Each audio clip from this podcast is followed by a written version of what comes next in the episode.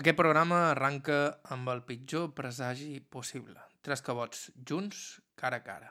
Bon dia. bon dia. Cada un Eh, primer. Som cosins. Què tal? Encantat. Pep, Com estem? Jo som en Joan. Com anem? Bé. Bé, molt bé. Pep Tu? kebab. Jo també ho som. Cabot? Que dius? Joan Cabot. I de bonets, de Bonet, Bunyola. les Ah, Ah, sí. Ah, Les després, po- la no, jo, després... les polles, bunyol i bany bufar, és que Ja bo. és cabots. Bueno, a l'Impalma ja també n'hi ha, però Que jo va. ja, soc, ja, ja estic poblant Palma. Ja m'estic expandint la família cap a oh, Palma. sí, verament, el- els cabots, si anéssim a cercar generacions antigues, surt allò mateix. Sí. Mai a bufar n'hi ha molt de cabots. Ara pareix que s'han extingit un poc. Som a Banyalbufar i el motiu de la meva visita al poble és parlar amb aquesta dona que escoltau de fons, Margalida Cabot, nascuda allà mateix i filla de pagesos. Na Margalida és, pel que m'han dit, la persona que més sap sobre un tema apassionant, molt més del que pugueu imaginar. L'aigua de la font de la vila i la gestió que es feia d'aquesta aigua tradicionalment. Un tema que na Margalida coneix des de ben petita. De fet, des de la terrassa de casa seva em mostra el que era l'antiga finca de la família i els seus safaratjos. Banyalbufar es troba en plena serra de Tramuntana i, per tant, l'orografia és capritxosa, plena de pendents i fer arribar l'aigua a tots els punts del poble, des de la font, suposava una imaginació i un enginy increïbles. La finca del meu predí era de la carretera pública. Mira, mira, vos veus aquella casa, la teulada Eh. d'aquella casa. Pues clar, després quan el predí se va morir, se va, se va di dividir en tres, en tres fills. Allò que veus allà, que, que la paret està com a més guapa, allò Eh. són safarets. És el nostre, és, És el meu, vostre. el meu safaret, el nostre safaret, perquè la propietari són jo, no és el meu amo, el safaret. I, I aquí hi ha un camí, aquí hi ha una casa, i després ja tenim un tros aquí i fins a Ah. la carretera pública. D'aquí, d'aquest- d'aquesta finca, tenim, som propietaris de 7 hores i mitja d'aigua cada 15 Set dies. hores i mitja. ja Cada 15 dies. Fent un promedi, perquè clar, en tenim una que és fins a la posta de sol i, i, i a l'hivern el sol se pon pres, però fent un promedi que cerca el mitjà de l'any, doncs me surt 7 hores i mitja. Set hores i mitja no són poques, tot i que per a la majoria de nosaltres tot això ens sonarà exòtic. Però per un pagès de Banyalbufar, el rellotge era la mesura de l'aigua i no els litres. Perquè el que importava era quantes hores i quants minuts tenies cada quinzena per regar el treu tros de terra, tot regit per un sistema d'un refinament increïble. Encara el feia servir en aquest sistema? Claro que sí. Encara funciona? I si, i si he de cantar amb aquest sistema, Claro. com, com, com anem a cercar l'aigua? Tothom dirà que és seva. O no creus? Sí, sí, sí. I després hi ha moltes disputes per això. El sistema de distribució d'aigua de Banyalbufar és únic a les illes i ha passat de generació en generació, des dels temps dels àrabs, per arribar gairebé intacte fins a nosaltres. I a més, aquest sistema ens torna al debat de l'autosuficiència, que en un moment com l'actual sembla de nou recobrar vigència. Nosaltres ja tornem a ser per aquí, ens en moríem de ganes. Esteu escoltant Aire a IB3 Ràdio, us parla Joan Cabot, començam. I començam, com sempre, amb les presentacions. Aquesta és Margalida Cabot. Pues idò, jo soc la Margalida Cabot Tomàs. Vaig néixer el 30 de juliol de l'any 1941, o sigui que tinc 87 anys. Ai, 78 anys, perdó. A casa meva, els meus pares eren pagesos, eren tres germanes. Degut a això, pues, nosaltres també anàvem a escola, vàrem estudiar, però, bueno, eh, ses- després les vacances i, i quan ja vàrem tornar majors, la nostra vida era també fer de pagesos. I degut a això, possiblement, eh, eh, estimi més la natura, me sent molt pagesa, en el sentit de que no sempre he fet de pagesa, però sí eh, estim molt això. I, i les meves arrels són aquestes. Son pare era pagès com gairebé tothom en aquells temps, però era un pagès amb terres pròpies, les que abans na Margalida em mostrava des de la terrassa de casa seva. Era propietari i tenia gent altres famílies que duien terres seves. Tenia conreu de, de reguiu i després con, con, conreu rústic. El conreu de reguiu eren horts, havia, sembraven d'aquell temps moltes domàtigues, d'aquestes que se penjaven en els porxos d'enfilar, i després, a l'altra temporada, feien patates, també per vendre, i després tota classe de verdures per al consum de la casa. Ara, per vendre cap, a, cap en el mercat, generalment eren domàtigues, el principal, patates i mongetes. Mongetes, diguem, mm, ells en aquell temps llavors deien fesol, mongeta tenra. Eh? Després, a la finca rústica, hi tenia garrovers, oliveres, moltes oliveres. Degut a que tenien bastantes d'oliveres, el meu predí va fer una tofona, que, que, la, que la tenim i que encara funciona, és que malament sigui estil antic, i així vivien. També tenien animals, d'ovelles i tot això, per mantenir la finca neta. I clar, sembraven faves, sembraven ordi i coses aquestes per mantenir els animals. També les faves a vegades eren per, per ells també menjar quan eren terres i tot això. En aquell temps, quan jo era joveneta, els cotxes eren molt pocs i el meu pare va aprendre de conduir ja major, ja majorat. I tenien un carro carro típic de bany a bufar amb vela, i posaven a dins les caixes, que eren unes caixes grans de domàtigues, o patates segons la temporada, i les duien a vendre a Palma. Generalment s'aturaven ja per espoldes, per establiments i en els colmados deixaven caixes. Però les altres les duien cap a Palma i tenien a Palma de distints colmados gent que els ho comprava. El meu pare Directament en els venedors a la plaça no n'hi va dur mai. Tenia els seus clients. I així vivien. Les tomàtiques se, se, se, se cultivaven, o sigui, se cuïen a dins l'estiu. Els mesos de juliol i agost era la plena, que, que, que, que tot era vermell, el poble, i se passaven hores en el enfilant les tomàtiques i aquestes tomàtiques solien durar fins a març, abril o a vegades fins en el mai, però bueno, fins en el mai ja era com un poc extraordinari. I era pescador, el vostre pare? No, pescador aficionat, el prediu era més. A vegades tenien una barqueta i a vegades hi anava, però no, el meu pare no.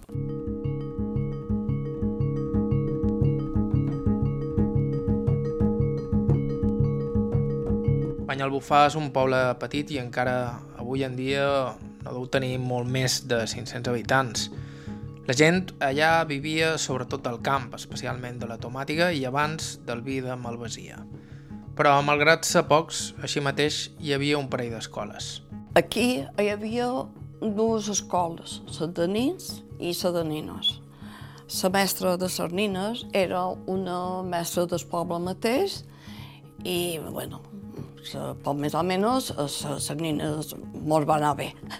Els nins era distint perquè els mestres eren forans i canviaven molt de mestres. Van tenir mestres uns quants anys bons, però després, a lo millor, al cap d'un... tenien un mestre que els hi durava un curt dos. I clar, això per als infants era, era dolent. Després eh, hi havia qualcú que podia tenir la possibilitat de poder anar a escola Palma i, clar, en aquell temps anar a l'escola de Palma era molt dificultós perquè, primer de tot, tenies que quedar intern, perquè no, els medis de comunicació eren difícils i se quedaves intern durant un mes, en el mes sorties un cap de setmana a casa teva, després te'n tornaves i així. Jo vaig anar a l'escola a Bany al Bufar, a l'escola a Bufar fins a 14 anys.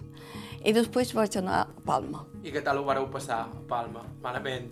No, bé, molt bé. Sí? Sí. Bueno, al principi és normal que t'enyoris i que passis, però després molt bé, perquè pensa que les nines que quedaven pensionistes eren totes de poble. I, claro, aquí més que menys també s'enyorava un poquet, i uns als mos, com a consolàvem, i mos varen fer moltes amigues. O sigui, tenc uns records molt bons d'això. I després també eh, les monges mos tractaven bastant bé.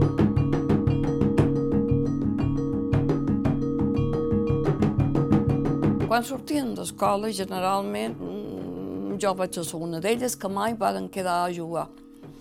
O sigui, els nostres pares o els meus pares no, no li agradava que mos quedàssim a jugar i venien cap aquí. Però després de més joveneta fèiem una pandilla de lotes i, i joves, eh, joves un poc entre cometes, perquè llavors era com un poquet així mal vist, i mos reuníem a cada una d'elles i anàvem als vespres, eh, sobretot els dissabtes i els diumenges, a jugar a cartes, a jugar a a xerrar, a escoltar música, o, o, o aquestes coses.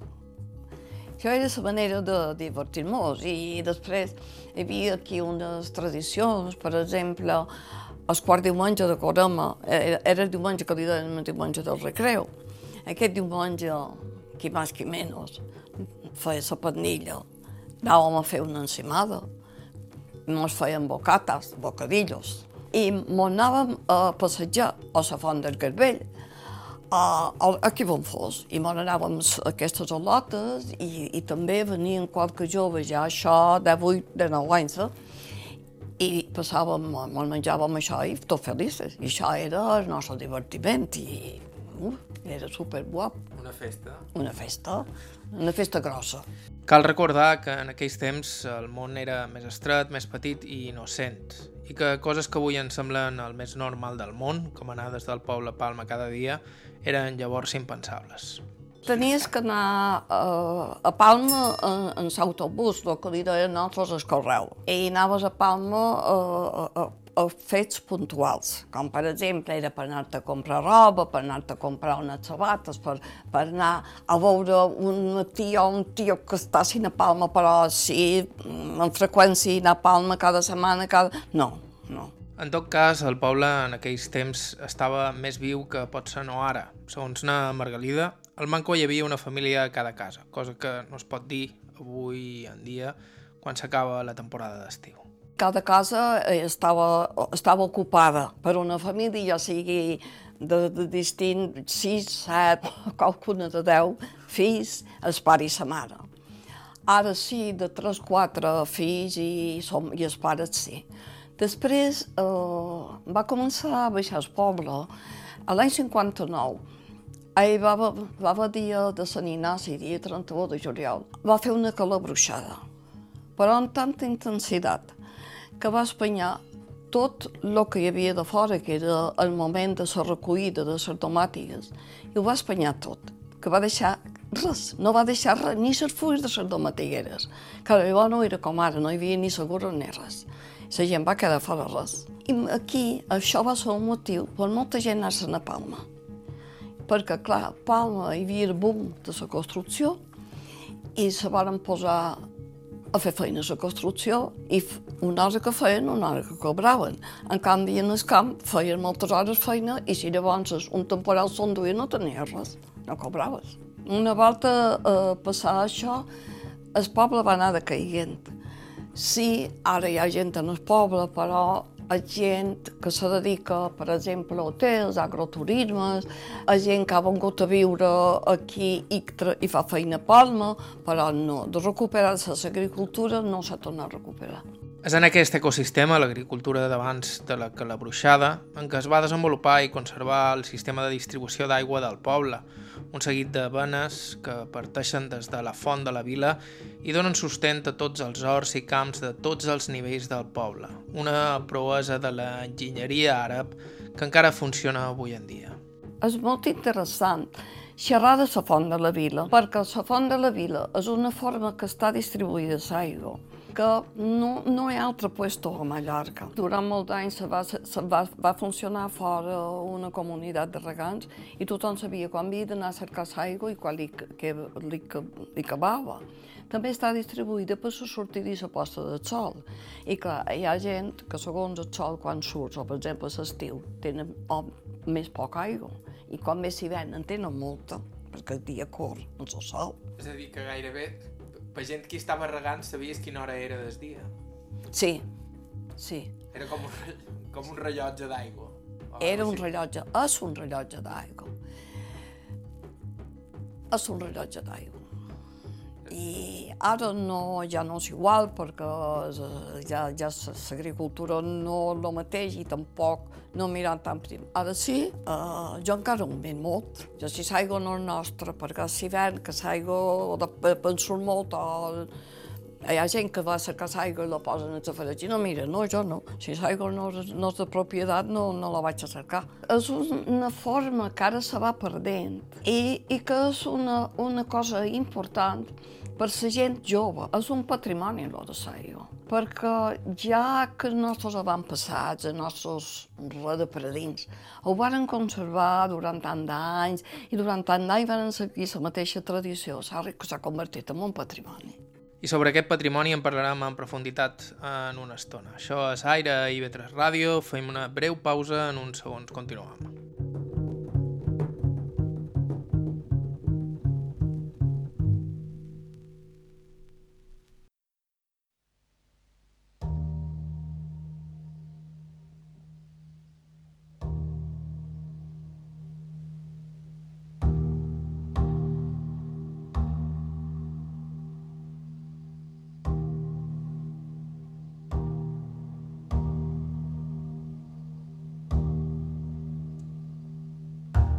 Hola de nou, estàu escoltant Aire, això és IB3 Ràdio. Avui som a Banyalbufar, conversant amb Margalida Cabot, que ens estava parlant de com era el poble quan ella era petita. I just acabàvem d'encetar el tema crucial de la nostra entrevista amb ella, la font de la vila i l'elaborat sistema de distribució d'aigua que han conservat en el poble i que és d'un refinament increïble. La font de la vila és la més grossa del poble i surt a dalt del poble. Per ser un mateix, fora molt, per ser un mateix de nivell, baixa l'aigua. Ara sí, hi ha altres fonts, carreguen la part baixa o, o, o les parts foranes. Ja sigui aquí baix, que hi ha la font de Cireral. Després, a baix del poble, la font de la Canaleta, que arriba, carrega fins a la mà, i després anant cap a Estellany, la font de Menta, que rega una altra part. Hi ha fontetes petitones, puntuals, que només a lo millor són de dos o tres propietaris, només. Però la font de la vida està distribuïda per moltíssima de gent, per pràcticament tot el poble. Aquest sistema és un sistema que és difícil d'aclarir, però sí, segons els estudis que s'han fet, pareix que van ser els del Yemen, que van venir aquí i varen es, es, a fer això, o, o varen distribuir aquesta aigua. Per què? Pues perquè allà en el Yemen hi ha coses completament desigual com a bany el bufar. Per exemple, en el Yemen hi ha un coster que és exacte de marjades de, de regadiu, que són marjades estretes, amb molta dependent, en marges molt alts, i les marjades estretes que aquí a Bany el li deim el coster de la baronia. Jo ho he vist en foto i si no estàs ben segura t'embuia perquè te penses que, que, és, que, és, que és aquí i és allà. El sistema de cervasses, de safarejos, també era molt igual allà. I aposta se pensen que si aquí durant uns anys hi va, hi va viure una comunitat d'ismaelites. El sistema de bany a l'ufà no és només fascinant per la destresa que suposa a nivell pràctic en la seva construcció, permetent que l'aigua arribi a tots els horts i camps del poble, sinó també per com es reparteix aquesta aigua entre els diferents propietaris, amb la precisió d'un rellotge suís.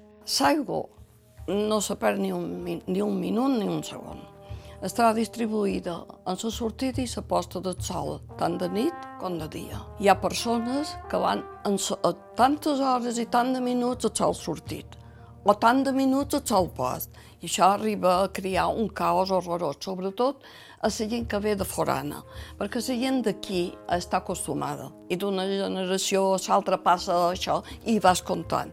Però la gent que ve és complicat. Més ara, en dues hores davant del sol, l'hora oficial i l'hora que després se posa a la temporada d'estiu.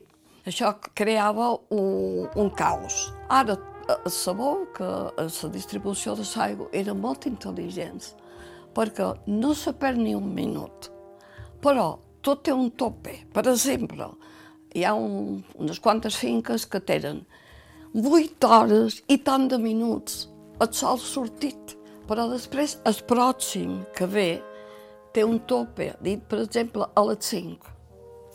Tu has d'agafar tantes hores i tant de minuts et sol sortir. Però llavors a les 5 l'aigua se t'acaba i després segueix amb hores. I després d'un altre moment donat torna a anar a tantes hores i tant i tant de minuts al sol post.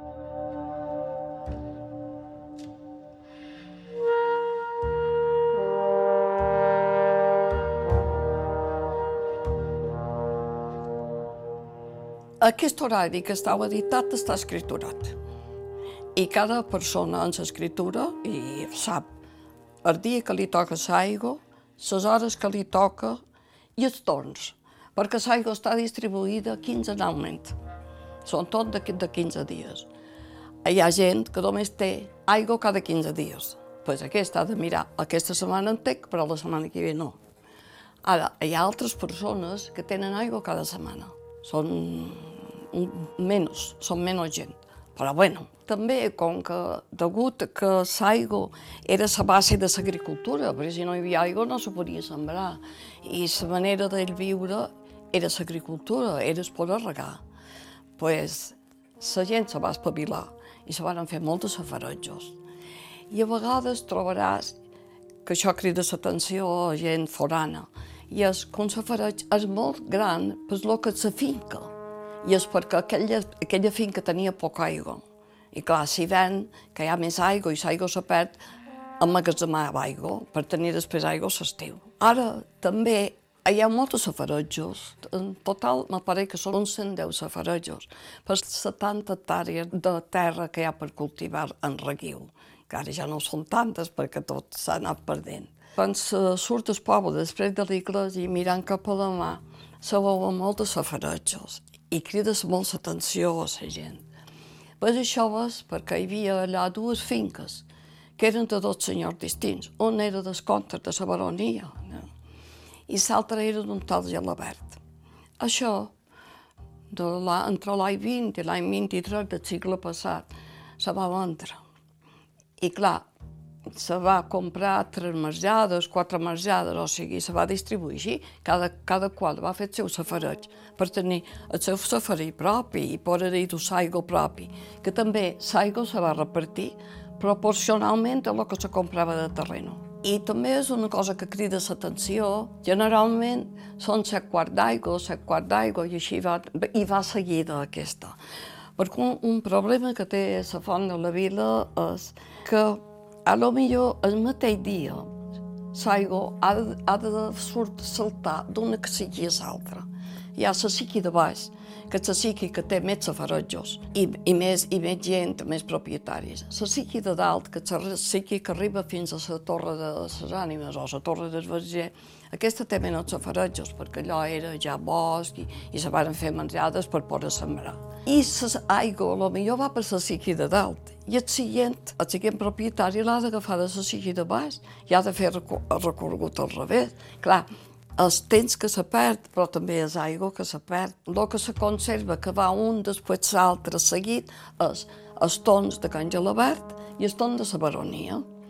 Que els tons de la baronia no tots van seguits, perquè com els contes tenien moltíssima aigua perquè eren els senyors del poble, i van vendre aigua a finques, per exemple, de per aquí dalt, que no tenien aigua, que tenien un terreno, però que llavors havien semblat de blat o, o de, de, de, de, de cereals, i no tenien aigua, i van aprofitar per comprar aigua. I a vegades fa aquest, amb aquests fa aquests. Ara, si s'ha de Can Gelabert, és seguida.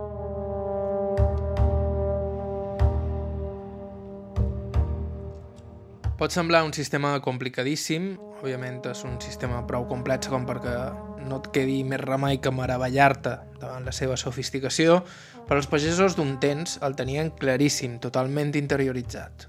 Sí, la gent, la gent, els pagesos ho tenien, ho tenien molt clar.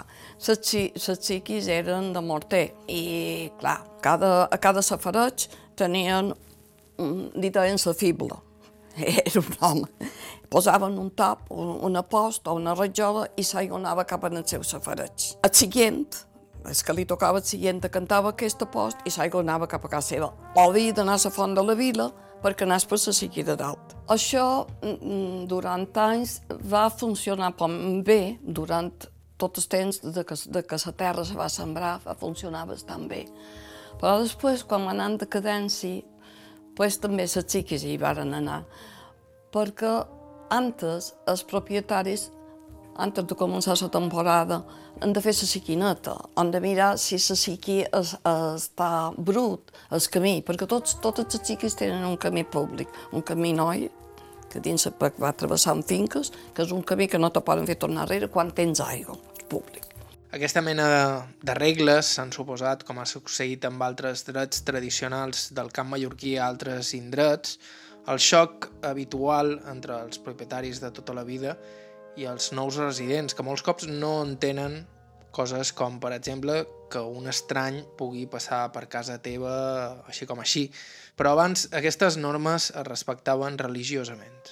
Una cosa que, que vull dir, que, això generalment, siguent una dona, no solia passar. El meu pare, els meus pares, eren propietaris, com ja t'he dit, i no tenien fills. Degut a això, a que no tenien fills, a la millor les filles, molt jovenetes, anàvem a cercar aigua. Ens va anar beníssim, perquè els veïnats que tenien d'aigua, tant tantes com després, que això vida que fa i després que la t'aprenien, eren unes persones majors, molt amables, i jo les record amb molta carinyo, perquè quan mos veien tan petites, que llavors te feien mirar l'hora, a veure si dues el rellotge com el duien ell, perquè un minut era un minut. I hi havia un senyor d'aquí dalt, que no havia Llorenç. Ai, no, nineta, venga, jo te llevaré, stop, perquè tu no t'haguessis de cotar i no caiguessis dins el psiqui. O sigui, jo els recordo molt de carinyo.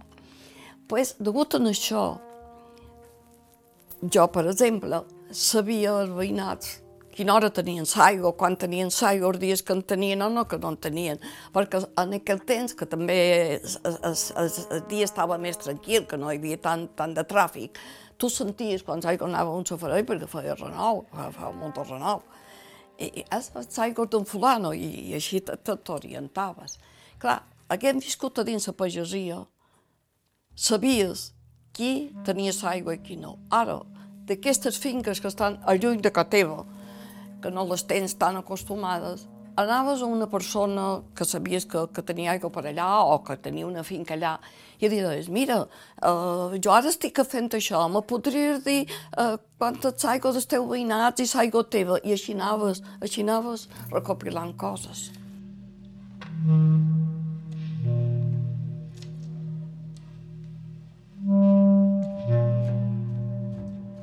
Quan la Margalida parla de recopilar coses, parla del llistat d'aigua, una eina essencial a l'hora de crear una comunitat de regants.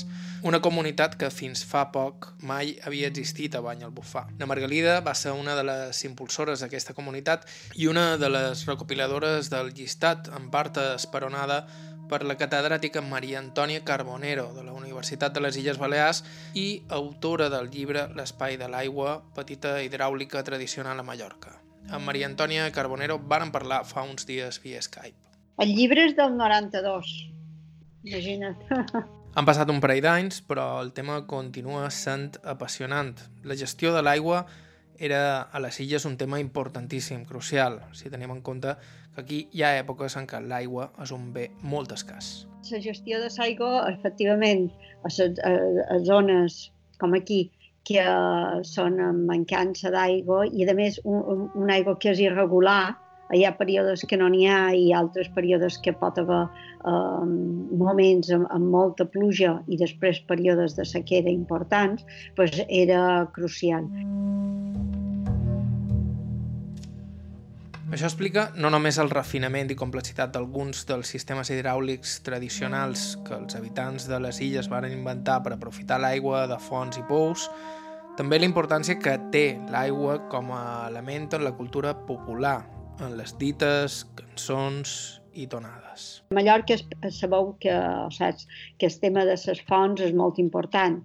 Es, són punts fins i tot màgics. A moltes bandes hi ha capelletes eh, en relació a la verge, és a dir, eren punts de trobada festiva i màgica o religiosa. precisament perquè allà no n'hi havia aigua, hi ha vida, per dir d'alguna manera. Eh, hi ha una petjada important, en, òbviament, en la cultura popular i en les narracions i en les festes. A Eivissa, precisament, encara més. Eivissa, en ser un poblament dispers, històricament, eh, i semblant en quant a estructura, en a estructura, diríem, geomorfològica eh, a Mallorca, estem, i fraccionat, el tema de les fonts i les mines d'aigua i la cultura entorn a l'aigua, les romeries, les festes després cristianes, suposam que abans paganes, entorn a les fonts són molt, molt importants. I també en el cançoner. I aquest paper, arrel dels darrers esdeveniments, sembla que torna a ser, com a mínim, objecte de debat. Amb freqüència, fa anys defensàvem, era d'alguna manera donar suport a, a les gestions de la petita hidràulica en comptes de la gran hidràulica. Aquesta gestió de la petita hidràulica vol dir recollir aquesta cultura popular de com manejar l'aigua eh, l'aigua domèstica per veure a través de les cisternes i els ajuts que han anat, òbviament, desapareguent, però eh, que fa pocs anys. De fet, fa pocs anys encara en els pobles eh, n'hi ha i aquesta part de cultura popular, òbviament, s'ha perd. I és una, és, un, és una desgràcia perquè a qualque moment pot ser que la necessitem recuperar. Amb el tema del canvi climàtic això no ha anat a menys, sinó tot el contrari. L'idea de que quan parlam d'un autoconsum solar, d'energia, que haurien d'anar cap aquí, tampoc hem de perdre, perdre la perspectiva de que necessitaríem o necessitarem, o serà important a lo millor a qualque moment, un autoconsum d'aigua. No sabem què ens passarà en un futur,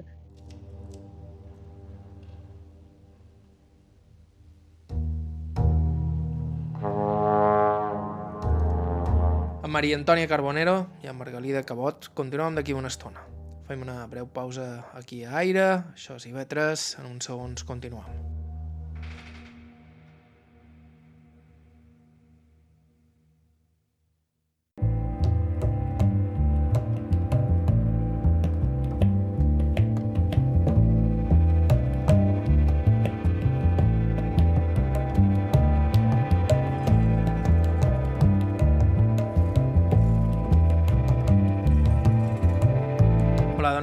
Escoltant IB3 Ràdio, això és Aire, i en el programa d'avui estem descobrint el fascinant sistema hidràulic de Banyalbufar, un seguit de canalitzacions d'origen àrab que duen l'aigua de la font de la vila a tots els horts i camps del terme, amb un sistema de repartiment horari fascinant. De fet, a més de Margalida Cabot, el nostre primer testimoni, estàvem escoltant també la professora de la UIB, Maria Antònia Carbonero, que es va dedicar a estudiar aquest sistema a l'espai de l'aigua, petita hidràulica tradicional a Mallorca, el seu llibre. Com explicàvem abans, pot ser el més fascinant del sistema de Banyalufà, no és tant la part d'enginyeria tradicional, de com duien l'aigua d'un punt a l'altre, sinó la part humana i social, de com es repartien l'ús d'aquesta aigua entre tots els habitants del poble. I a més és un sistema de pràcticament eh, de control mutu.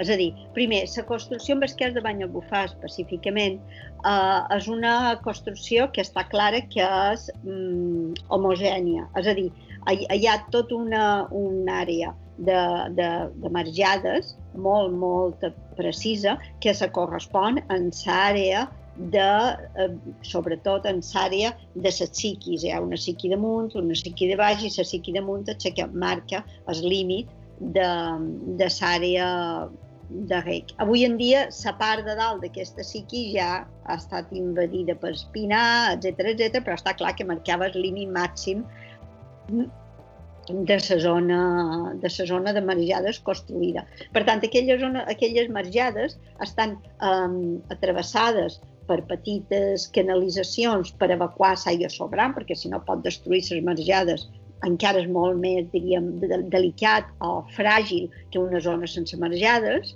perquè tot l'accés d'aigua que no estigui ben regulat pot destruir les marjades ràpidament. Per tant, és tot un sistema en què hi ha les psiquis de distribució després les formes que tallen les marjades per treure, eh, estreure l'aigua sobrant, que va parar en el torrent, a la vallada, i després acaba a la cala de Banyalbufar, i després la distribució d'aigua marjada, marjada, i el pas entre una marjada i, un, i una altra marjada, diríem, canalitzat per davall de la terra. O sigui que, eh, òbviament, quan construeixes la marjada, prepares el sistema perquè l'aigua passi, vagi fent escalons de marjada en marjada, no per damunt, que la destruiria, sinó per davall. I això vol dir que els que varen muntar aquest sistema ho varen muntar d'una manera, eh, diríem, amb un, amb un sistema conjunt, o sigui, homogènia. Eh, és un sistema, és a dir, els seus elements estan interrelacionats, les psiquis, les, eh, les marjades, les psiquis de distribució general, les psiquis que eliminen l'aigua eh, cap en els eh, subtorrents i aquests a la vallada en els torrents, i les petites xiquis que fan passar l'aigua per davall de les marjades perquè no se destruasquin i vagi baixant l'aigua de marjada en marjada. I sabem que aquest sistema, en el moment de la conquesta catalana, òbviament estava construït i mos podem imaginar, no ho sabem òbviament cert, que és un sistema que recorda molt en les des, um, altres zones d'on eren originaris bona part dels, des colons, per dir d'alguna manera, de les comunitats, de les tribus que van venir amb la conquesta andalusí, que eren de Yemen, concretament.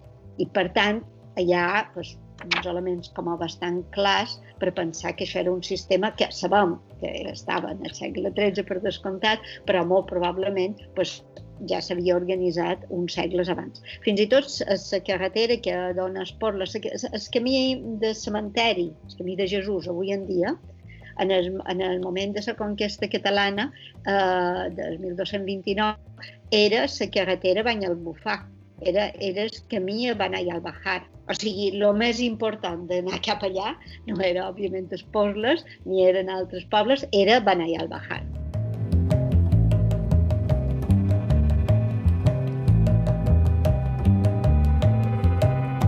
general, el sistema tradicional era a, a través de la posta i la sortida de sol. No era amb un sistema horari de ara a les 8, de 8 a 8 i mitja, no. Era una hora sol post, dues hores sol post, tres hores sol pot mitja hora, en fi, el sistema se regulava eh, a partir de la posta de sol. Això a Banyabufar i altres bandes era com el sistema més tradicional, que no era horari, sinó que era en funció de, de l'hora solar. Òbviament, tenim, eh, tenim a nivell històric documents que mostren com s'ha anat dividint, a mesura que s'ha anat dividint la propietat, però en general l'esquema és el mateix. Algunes tandes que clarament són, no són les més antigues, sinó que són que s'ha fraccionat després, en el cas de Banyalbufar, a la baronia, hi havia un, rabà, un, un ramal que donava aigua a la baronia i les seves terres. A la baronia després se va dividir i se va parcel·lar la baronia i Son Picó, que és quan surt de Banyalbufar. Aquelles terres des d'allà cap a,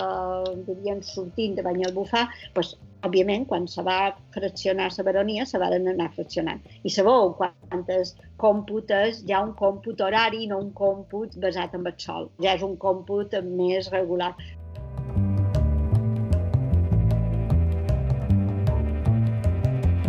L'altre està basat en el sol, en problemàtica perquè a vegades l'aigua havia d'anar cap aquí, cap allà, perquè clar, a, a, al llarg dels, dels segles tu podies tenir aquella tanda d'aigua, però potser canviar, canviar la terra, el qual no era fàcil ajustar, perquè no podies dur aigua a una altra terra. Però bueno, és, és sabeu com a més caòtic, perquè supos que a, a base de segles i segles s'ha anat eh, liant l'assumpte però eh, era un sistema de control mutu, perquè tu sabies qui t'anava davant i qui t'anava darrere. Si tu no, no utilitzaves l'aigua correctament, els de darrere, òbviament, ho sabia immediatament, perquè tu havies de tirar el trastellador, que se diu, eh, per tancar la teva i donar pas a l'altra supos que les disputes devien ser freqüents, però era un control mutu, l'altre immediatament s'enterava si no ho feies com tocava, no? O ho feien perquè se coneixien tots i perquè hi havia qualcú que si tenia problemes el de l'Ajuntament anava allà a, controlar l'aigua, una IE, que se deia, però i aquesta figura Banyalbufar és un lloc petit i entre ells ho feien així, però ha estat molt important a la Horta de Palma, per exemple. La persona que s'encarregava, diríem un consell que s'encarregaven de, de dirimir els conflictes de l'aigua i després seguir a les persones que controlaven les psiquis.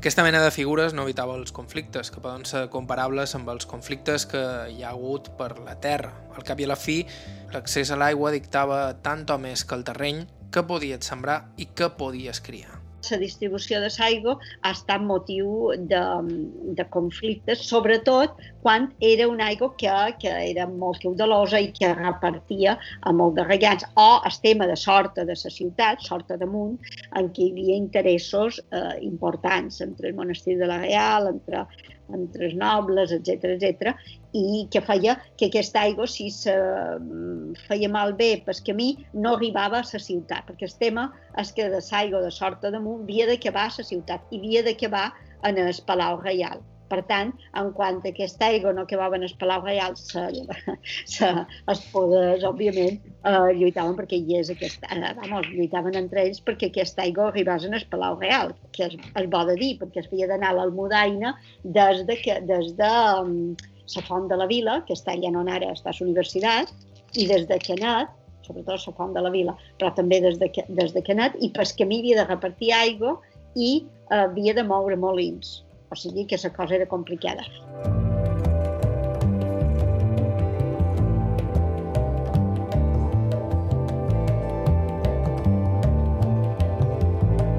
els conflictes per l'ús de l'aigua, aquí a Catalunya i, en fi, i a, arreu, arreu del món que coneixem, varen ser crucials perquè aquesta aigua, que òbviament devia ser de les comunitats o de les alqueries i rafals que, que, que poblaven que, que estaven en aquestes zones passa a ser motiu de disputa.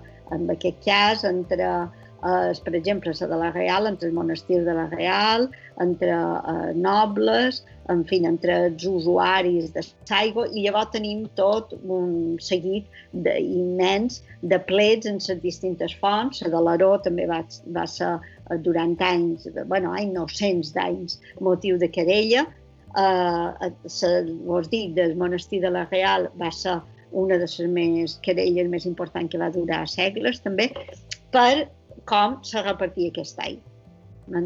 Perquè si no hi havia aigua no se podia ratllar i eh, amb els segles eh, va haver, hi havia querelles en què els antics regants deien que era per, per costum, era consuetudinari, i no tenien drets podrien dir escrits, però intentaven recollir, per això les querelles, se recull tota la informació de com se diu que allò durant segles s'havia distribuït així. Algú aporta algun document des de, més o menys després de la conquesta, de que se, que se documents reals en què se deia que se mantenien els costums de distribució d'aigua, però això no va ser així, òbviament, tot d'una amb els colons, tot d'una se van quedar sense aigua.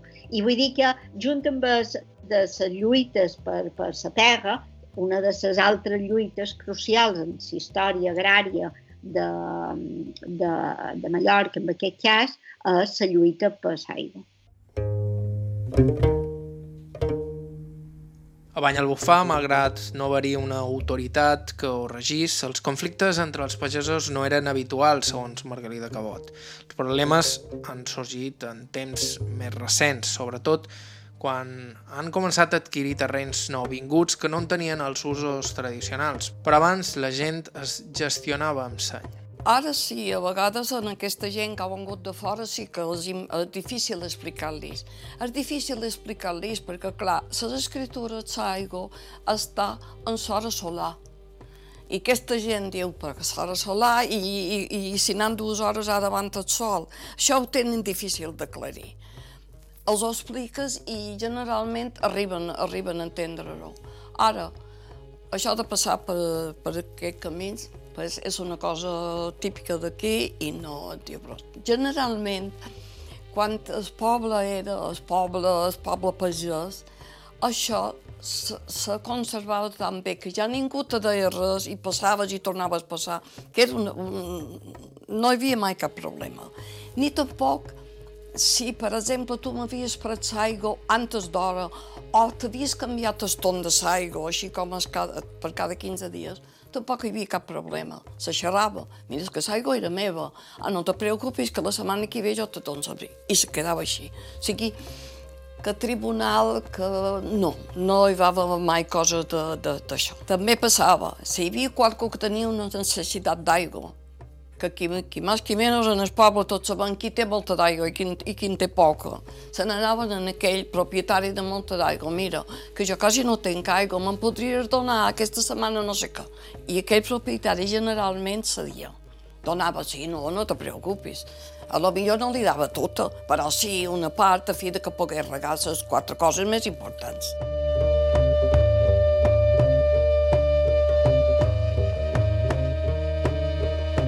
És que generalment, quan s'havia de sembrar les domatigueres, que se sembrava els bril maig, per, per les automàtiques de remellet, d'aquestes que se pengen, la gent, els pagesos, enguany l'any és prim, pues no pot sembrar tant, i ja, ja se limitaven a sembrar menys.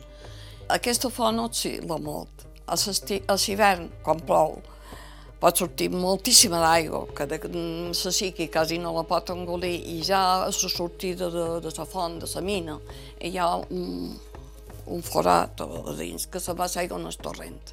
I l'aigua baixa per dins les tuberies i la distribueixes a cada qual. Ara, a l'estiu, quan és un any sec, quasi, quasi no surt aigua. Més ara, durant fa, des de m'apareix, M'apareix que és des de l'any 73-4, no sé exactament, o 75. Aquesta font és la que dona l'aigua el poble per consum. O sigui, la canalització de l'aigua se va fer agafant aigua d'aquesta font. Clar, en aquest cas, primer és la gent per poder beure aigua o tenir casa seva que es pagès, i més ara que el pagès està un poc així. I bé, a vegades a l'estiu ens trobam els propietaris que a partir de juliol, eh, agost, a vegades segons, quan hi ha el boom de, de la gent que ve a berenejar i, els hotels i tot això, que, que, que els pagesos mos quedaven fora aigua. L'aigua que tenim a dins es desapareix, però ja no podem anar a cercar-la. Hem dit que la gestió de l'aigua durant segles no depenia de cap autoritat a Banyalbufar, fins als temps actuals, en què sí es va crear una comunitat de regants, en part impulsada precisament per na Margalida. Degut a això, un quants persones del poble van decidir fer una comunitat de regants per evitar tots aquests problemes i perquè les xiquits se poguessin conservar pues aquesta comunitat de regants va costar molta pena poder-la fer, perquè era molt difícil, perquè mai havia existit en els pobles res de tot això, ni tampoc una altra cosa. No teníem cap llistat de la distribució de l'aigua. I això era el primer de tot que te demanaven quan anaves a una conselleria a demanar per fer la comunitat de regants. Aquest llistat, en els seus defectes, se va arribar a poder fer i degut a això varen poder fer la comunitat de regants. Una volta haver fet la comunitat de regants, al cap d'un any o dos, en dos de la Unió Europea i la Conselleria varen poder entubar les xiquis. Ara hi ha gent que ho trobarà que és una barbaritat que decantis el que era la xiqui que s'ha deixat l'aigua córrer. Però sí, era aprofitar més aigua. Se varen entubar quasi totes les xiquis. N'hi ha qualcuna que se va deixar, se va arreglar i se va deixar oberta. La comunitat de regants se va formar el 2002 i, i segueix funcionant. I la comunitat continua funcionant de la mateixa manera que la font de la vila continua sent un motiu d'orgull per a tot el poble de Banyalbufar. Generalment, la gent en xerrar de la font de la vila estava molt units. O, per exemple, avui plou molt i pot passar que hi hagi qualque desastre a la font. No importava fos un propietari gran o un propietari petit. A la millor se n'anava a la font i posava un tap a fi de que l'aigua se n'anés en el torrent per, per no donar perjudicis en el poble. Uh, això sí, estava molt units amb això.